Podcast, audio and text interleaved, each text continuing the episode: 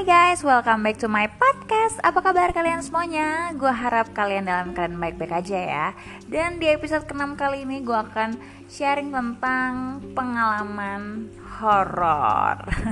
Di mana pengalaman ini, sharing ini gak pernah gue share ke mana-mana. Dan yang biasanya kalau di podcast kan sekitar seputar kehidupan aja kan. Tapi gue mau uh, nyelipin lah gitu kan pengalaman horor gue gimana sih dengerin aja ya guys Oke jadi langsung aja ya dari cerita yang pertama. Nah cerita yang pertama ini Di mana gue masih kuliah ya. Gue masih kuliah dan ini kita liburan keluarga besar Dari Jakarta ke villa di puncak. Nah kejadiannya itu pas kita mau pulang nih. Mau pulang ke Jakarta lagi.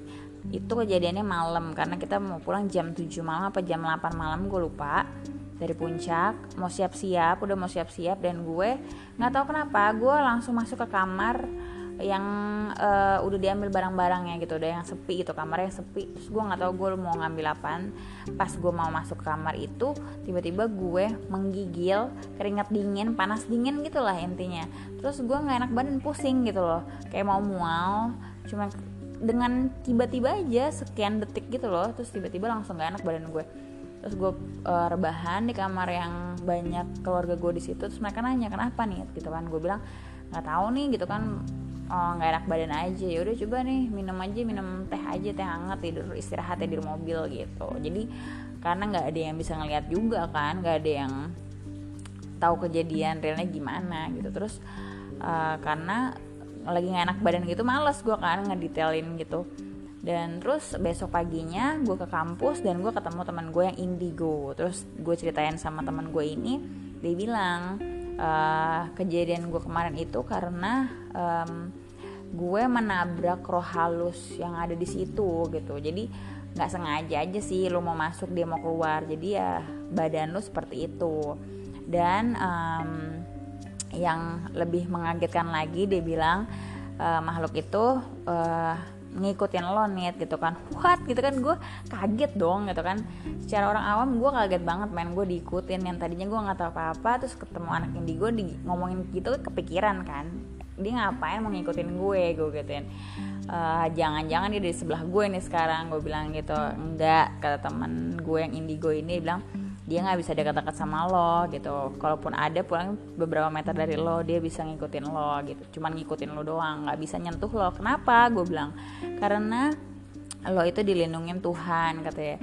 Lo itu dalam diri lo tuh ada keliling buletan circle gitu cahaya yang mana pun gitu kan orang awam nggak bisa ngeliat sih. Maksudnya kayak roh-roh halus kayak gitu tuh nggak bisa nyentuh lo gitu. Mereka kan keblok gitu loh keblok aja karena cahaya itu karena bulatan cahaya itu yang mengin apa mengelilingi lo gitu kan. Ke mana pun lo pergi tuh gue kayak antara seneng tapi uh, agak-agak takut juga. Takutnya kenapa? Takut ya karena kan pikiran gue kalau dengan roh halus kayak gitu gue diikutin sama roh halus gitu kan. Terus um, ya tuh senangnya ya karena oke okay, itu lindungan Tuhan ya berarti ya gitu kan. Gue baru tahu sih maksudnya karena kan kita orang awam nggak tahu ya maksudnya lindungan Tuhan tuh kayak gimana sih gitu kan? Oke kita jauh dari marah bahaya misalnya atau apa pun gitu kan. Cuman kan maksudnya yang orang awam nggak tahu kan kayak gitu kayak yang tadi gitu kan yang gue bilang teman gue bilang gue dikelilingin dilingkarin cahaya itu gitu. Nah terus um, gue bilang sama teman gue tolong bilang dia jangan ngikutin gue. Terus kata teman gue bilang ya jangan secepat ini deh butuh 2 sampai tiga hari deh baru dia uh, mau lepasin lo kayak gitu. Intinya gitulah ya. Tapi kan tetap aja gue ketar ketir gitu. Hmm, tapi teman gue udah ngasih tahu gue tenang aja dia nggak bakalan sedekat itu sama lo gitu. Udah biarin aja dia tetap ngikutin lo aja gitu. Oke itu udah case close lah ya. Udah nggak ada lagi habis itu. Nah yang kedua adalah nah di gue itu gue kan eh, nggak uh, tinggal sama orang tua gue. Orang tua gue tuh tinggal di Bali dan gue tinggal di Jakarta bersama nenek gue oma gue.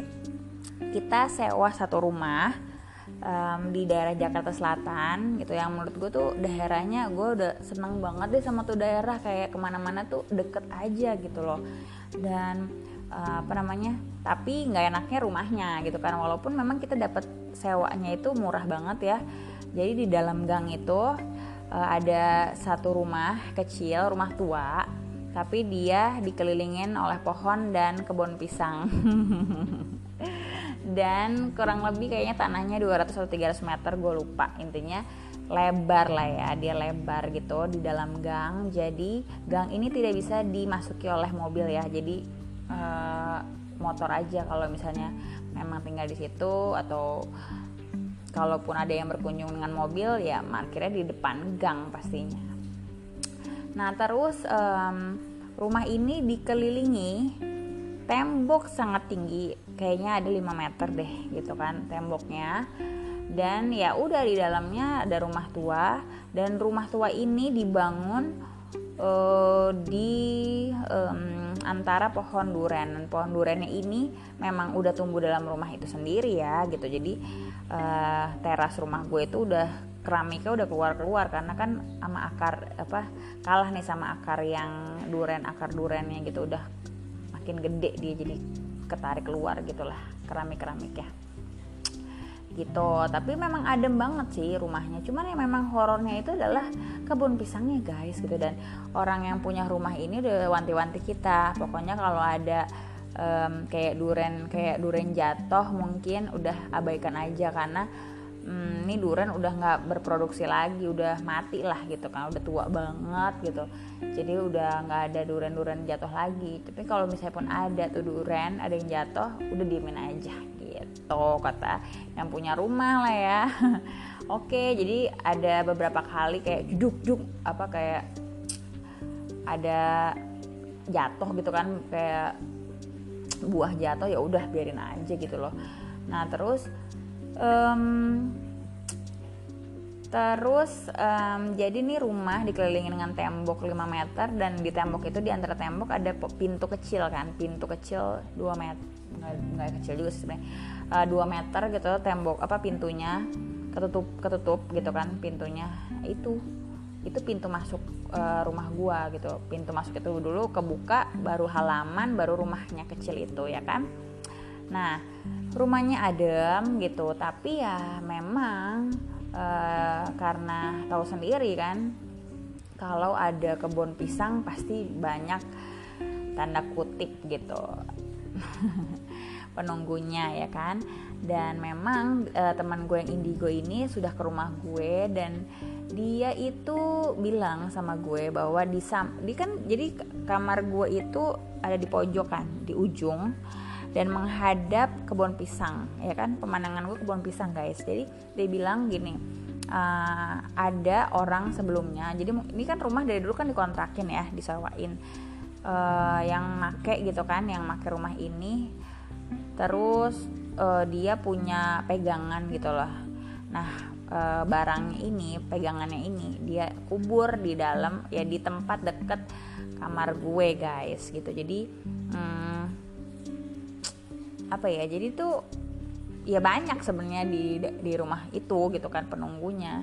Dan kalaupun mau bebas dari penunggu itu ya harus dikeluarkan dulu harus digali dulu nih gitu kan. Karena kayak ada keris apa gimana gitu yang dikubur dalam situ. Nah um, so, ya intinya pas teman gue yang indigo ini main ke kamar gue ya dia tuh jalan-jalan intinya duduknya nggak bisa diem. Terus gue kan bingung kenapa nih dia nggak mau ngomong. Pas udah waktunya udah tepat gitu sudah bilang ya kenapa gue mondar mandir? Karena dari tadi nih ya makhluk-makhluk itu uh, apa ya mondar mandir nih di kamar lo gitu. Gila. Terus gue kayak what? Gitu. Mereka mondar mandir. Iya ini jadi kayak kamar lo itu adalah perlintasan mereka gitu loh. Mereka mau main-main. Ya cuma ke kamar lo aja gitu kan. Karena kamar lo apa ya enak aja gitu buat mereka.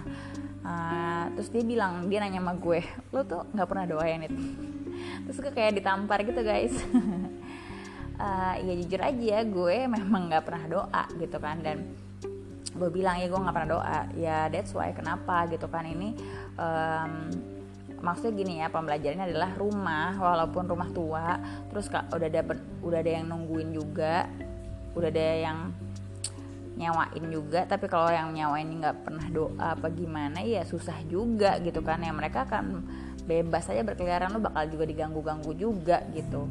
Ya itu sih pelajarannya. Jadi dia bilang ehm, kayaknya nih nggak mungkin deh gitu kan gue nggak akan membiarkan ini. Jadi kalau di agama gue di Kristen itu kita punya namanya uh, minyak urapan gitu. Minyak urapan itu apa sih? Sebenarnya minyak apa pun minyak apa pun itu yang di apa ya didoain itu namanya namanya minyak urapan jadi kita ambil minyak goreng di rumah gue terus udah dia doain tuh minyak. Dia kelilingin tuh minyak gitu kayak di apa ya polis line gitu loh di tembok gitu kan.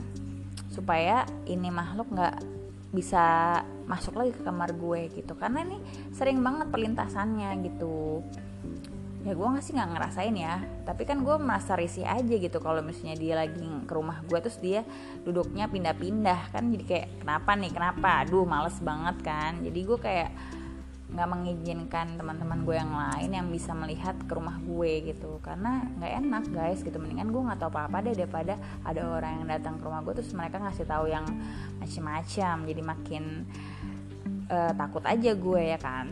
Nah udah. Abis itu um, ya sebenarnya gue udah nggak pernah digangguin lagi sih. Tapi uh, jauh sebelum itu gue pernah digangguin juga. Ada yang ngetok-ngetok uh, jendela kamar gue which is kalau yang ngetok-ngetok pintu kamar tuh nggak mungkin orang lain tetangga. Karena kalau tetangga masuk pun mereka harus melewati tembok gede itu yang tinggi 5 meter dan cuman maksud pintu 2 meter tuh mereka harus ketok-ketok dulu dong pintunya baru kita buka kan baru masuk ke halaman baru masuk um, rumah lagi pintu rumah gitu loh. Jadi harus ada melewati dua rumah gitu mereka harus mereka dua rumah dua pintu maksudnya gitu.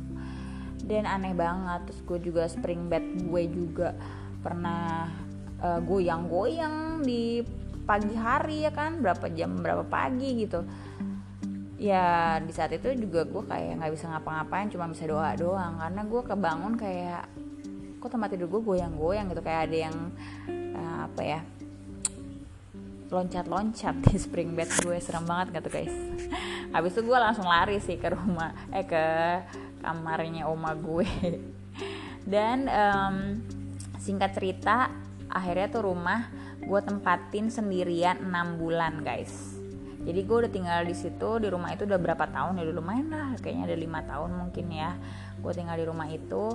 Terus eh, enam bulan terakhir gue tinggal di situ sendirian. Kenapa? Karena oma gue dua kali masuk rumah sakit bolak balik gitu karena hmm, ya guanya juga buat ngurusin oma udah kayak nggak ada waktu gitu. Karena kan pergi pagi pulang malam udah tahu sendiri kerjaan gue bisa pulang jam 10 malam jam berapa gitu jadi oma gue juga kepikiran jadi stres juga gue pulang-pulang malam bla bla bla gitu kan. Jadi ya itu yang buat dia jadi masuk rumah sakit. Jadi akhirnya adiknya nyokap gue ngebawa oma gue ke rumahnya mereka. Jadi ya gue lah tinggal sendirian kan di situ.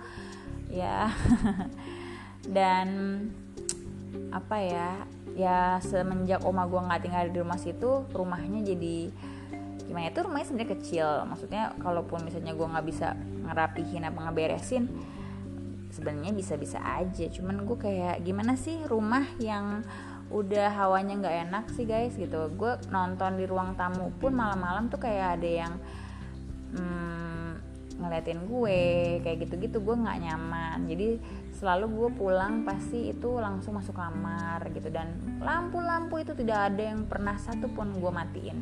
Karena uh, pernah satu kali kejadian gue pulang udah larut malam banget. Biasanya kan bulan ya menyinari gitu kan jadi uh, agak-agak um, apa ya halamannya agak-agak terang dikit. Nah ini tuh benar-benar kayak nggak ada bulan gitu tertutupi bulannya. Gelap gulita guys. Gue buka pintu yang depan itu samping tembok gitu kan yang 2 meter pintu biasa aja pintu rumah gitu. Gue buka langsung gelap gulita tuh kayak mau uji nyali gue mau masuk rumah sendiri ya kan di saat itu saat itu setelah itu pokoknya gue nggak pernah mau matiin lampu gitu. Lampu halaman gue biarin aja 24 jam terus-terusan nyala gitu. Dan akhirnya gue kayak capek juga lah gitu ngurusin rumah. Uh, yang halamannya gede gitu halaman itu panjang gitu. Dan kan gue kayak harus dua hari sekali tuh udah maksimal udah minimal banget dua hari sekali gue harus um, nyapu tuh halaman. Karena daun-daun berguguran terus. Kalau enggak nanti jadinya kayak apa ya rumput daun jadinya. Banyak banget gitu. Udah kayak ini rumah apa nin sampah ya? Pembuangan sampah sampah daun kan gak enak dilihatnya ya ya itu sih. Jadi gue memutuskan untuk uh, ngekos aja deh. Gue bilang sama orang tua gue kayaknya gue nggak sanggup nih gitu. Kalau misalnya gue sendirian di rumah ini males banget. Mendingan gue ngurusin satu kamar aja daripada gue ngurusin satu rumah begini beratus meter ratusan meter ya kan? Males banget nih. Ya udah ya gue diizinin. Nah yang kejadian horor yang berikutnya adalah kejadiannya di uh, kos-kosan gue yang pertama gitu kan. Di gue di kosan itu ada tiga lantai gue di lantai ketiganya. Dan tiap lantai itu ada dapur ya masing-masing ada dapur dan kamar mandi di dalam semua. Dan um, gue waktu itu lagi dapet dan nembus gitu kan. Nah gue anaknya tuh risih. Kalau misalnya gue udah lihat tuh nembus itu pasti malam-malam akan gue cuci gitu kan. Tapi kan gue nggak tahu nih kalau misalnya di kos-kosan kayak gini ternyata memang penunggunya ya pokoknya makhluk-makhluk itu mungkin nggak suka kali ya gitu kan. Atau mengincar darah gue gue juga nggak tahu. Jadi um, dengan sangat rajinnya jam 2 pagi kalau nggak salah saat itu gue ang gue angkat spray gue gue bersihin lah gitu kan. Sebenarnya dikit aja sih nodanya cuman gue risih aja gue bersihin. Dan di di kamar mandi gue itu tuh kayak ada yang ngetok-ngetok gitu loh kayak maku-maku cuman kayak bukan nyaring. Kalau maku kan nyaring ya. Ini tuh kayak apa ya mendem gitu loh. Duk duk duk duk gitu. Ya kali jam 2 pagi siapa yang mau uh, maku-maku sih gitu kan. Terus makin lama kok kayak ngikutin gue dari kamar mandi dari wastafel itu. Terus gue kan uh, buka pintu kamar mandi terus masuk ke kamar gue kok itu suara duk duk duk duk gitu tuh kok makin ngikutin gue gitu kan terus makin lama kok nggak berhenti berhenti gitu. Terus um, gue diem sejenak dan gue berdoa saat itu. Dan ya udah gitu itu hilang. Yang berikutnya lagi ya gue malam-malam juga jam 12 malam udah tidur nih gitu udah jam 12 udah tidur. Tapi ya di dapur itu jadi di kamar gue nih sebelahnya dapur persis nih dapur plus jemuran pakaian gitu kan di atas jadi ya gue kalau ada yang masak ada yang apa pasti kedengeran. Karena samping temboknya tuh sampingnya ya dapur udah. Jadi pas jam 12 malam tuh gue kayak ada yang motong-motong sesuatu lah ini. Cek cek cek cek cek cek cek gitu. Kayak motong-motong gitu. Siapa yang motong-motong jam segini? Nggak ada suara. Cuman suara pisau doang. Aneh banget. Tapi gue kayak males kan ngehiroin kayak gitu. Udahlah gue nggak heroin. Uh, ya udah besok paginya gue tanya nih sama tetangga gue semalam masak nggak? Gitu. Ke dapur nggak sih? Gitu. Enggak udah tidur gitu kan. Nggak ngapa-ngapain ngapain juga mau masak jam 12 malam mau masak apaan? Gitu. Terus gue kayak aduh ngeselin banget kan. Ya intinya begitu sih guys. Dan uh, akhirnya gue pindah juga sih. Jadi gue cuma tiga bulan doang tuh di kos kosan itu. Karena ya di saat itu gue kerjanya cukup on time ya pulangnya. Jadi uh, sebelum malam tuh udah nyampe situ gitu loh. Eh nggak sebelum malam sih maksudnya udah setengah tujuh apa jam tujuh baru nyampe situ kan baru nyampe kosan. Dan itu uh, yang ngekos di sana pulangnya malam-malam nih gitu jadi ya lampu tangga tuh pasti gelap gulita nih. Bayangin aja dari lantai satu sampai lantai tiga nih. Kayak uji nyali kan. Kayak aduh kayak gue males deh kalau ngekos kayak begini gitu. Udah suruh naik tangga lantai tiga. Kalau gue lagi lupa sesuatu harus beli di warung turun lagi. Capek deh kayaknya. Akhirnya gue pindah ngekos. Terus kejadian horor lagi di kosan yang baru lagi ini karena, karena kejadiannya kayak gue lupa doa sih gitu. Jadi hmm, gue ingat banget tuh malam-malam itu. Cuman gue lupa ya jam berapa malamnya jam berapa pagi gitu. Terus uh, gue selalu matiin lampu kan kalau tidur. Nah gue tuh inget banget suaranya ya. Itu suara ada yang deket sama lo. Ini ya suaranya tuh nggak pernah kan gue lupa. Suaranya kayak gini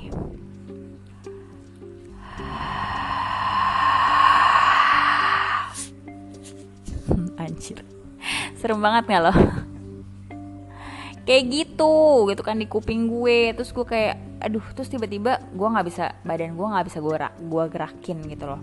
Nggak bisa gue gerakin kayak orang tuh bilang sih gue kayak uh, di apa sih? Namanya bilangnya kok gue jadi lupa nih. Ketiban ya apa sih? Ditiban gitu loh intinya gitu sih. Jadi gue nggak bisa menggerakkan badan gue mau teriak aja nggak bisa mau ngomong nggak bisa cuma bisa ngomong dalam hati doang. Terus gue kayak merasakan dia suara mengeluarkan nafas itu dari kuping gue terus uh, pelan-pelan langsung ke uh, bibir gue. Gitu kan mau mendekati bibir gue. Tapi gue merasakan bukan dia bukan mau mencium gue tapi dia mau menghirup uh, roh gue gitu loh jiwa gue keluar gitu dia mau dia hirup gitu kan lu serem banget ya lo kayak gitu. Terus gue kayak eh gitu kan mau akhirnya gue ya doa langsung gue tangking gue doa gitu. Terus akhirnya itu hilang. Tapi kan gila men itu pengalaman sih nggak bisa gue lupain sih. Abis itu gue nyalain lampu. Terus gue nggak nggak pernah mau matiin lampu lagi untuk beberapa hari ke depan gitu kan. Nah itu sih jadi kayak pengalaman gue uh, horor pengalaman horor seperti itu. Jadi ya um, hikmahnya apa? Hikmahnya maksudnya kita pasti memang selalu berdampingan kan dengan makhluk-makhluk di astral di luar sana gitu. Tapi yang kalian harus tahu adalah itu doa gitu loh kalian tahu misalnya kalian mau tinggal di rumah angker mana pun gitu kan kalau kalian misalnya nggak doa ya pasti mereka akan ya apa ya gangguin kalian juga gitu loh. Jadi ya doa itu penting. Karena kenapa doa itu penting? Karena ya kayak tadi gitu kan yang teman gue bilang anak indigo tuh bilang kalau misalnya gue tuh dilindungin sama uh, apa ya sama Tuhan gitu dengan cahayanya yang bulat itu. Kalau kan di film-film ya kayak seperti itulah intinya. Itu kan maksudnya dengan dari kekuatan doa kita dilindungin semuanya kayak gitu-gitu sih. Mereka pasti akan uh, bersentuhan gitu maksudnya ya berdampingan sama kita. Cuman ya mereka nggak bisa ngapa-ngapain kalau uh, kitanya juga deket sama uh, Tuhan kita gitu sih. Itu aja sih sebenarnya pengalamannya. Ya semoga pengalaman gue ini uh, cukup sampai di situ aja sih. Gue suka kayak nggak mau ngalamin yang lain lagi gitu kan. Kayak udah stop gitu kan. Gue denger dari orang aja deh pengalaman pengalaman mereka. Gue nggak mau ngalamin sendiri gitu nggak mau lagi gitu loh. Itu aja sih yang mau gue sampaikan. Ya semoga uh, kalian suka dengan cerita gue ya. Ini cerita tidak direkayasa sama sekali beneran deh. Ini pure bener-bener pengalaman gue yang gue ingat yang gue nggak ingat sih gue udah lupa gimana ceritanya ya.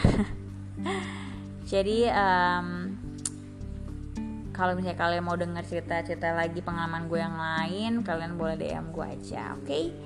see you next topic. Bye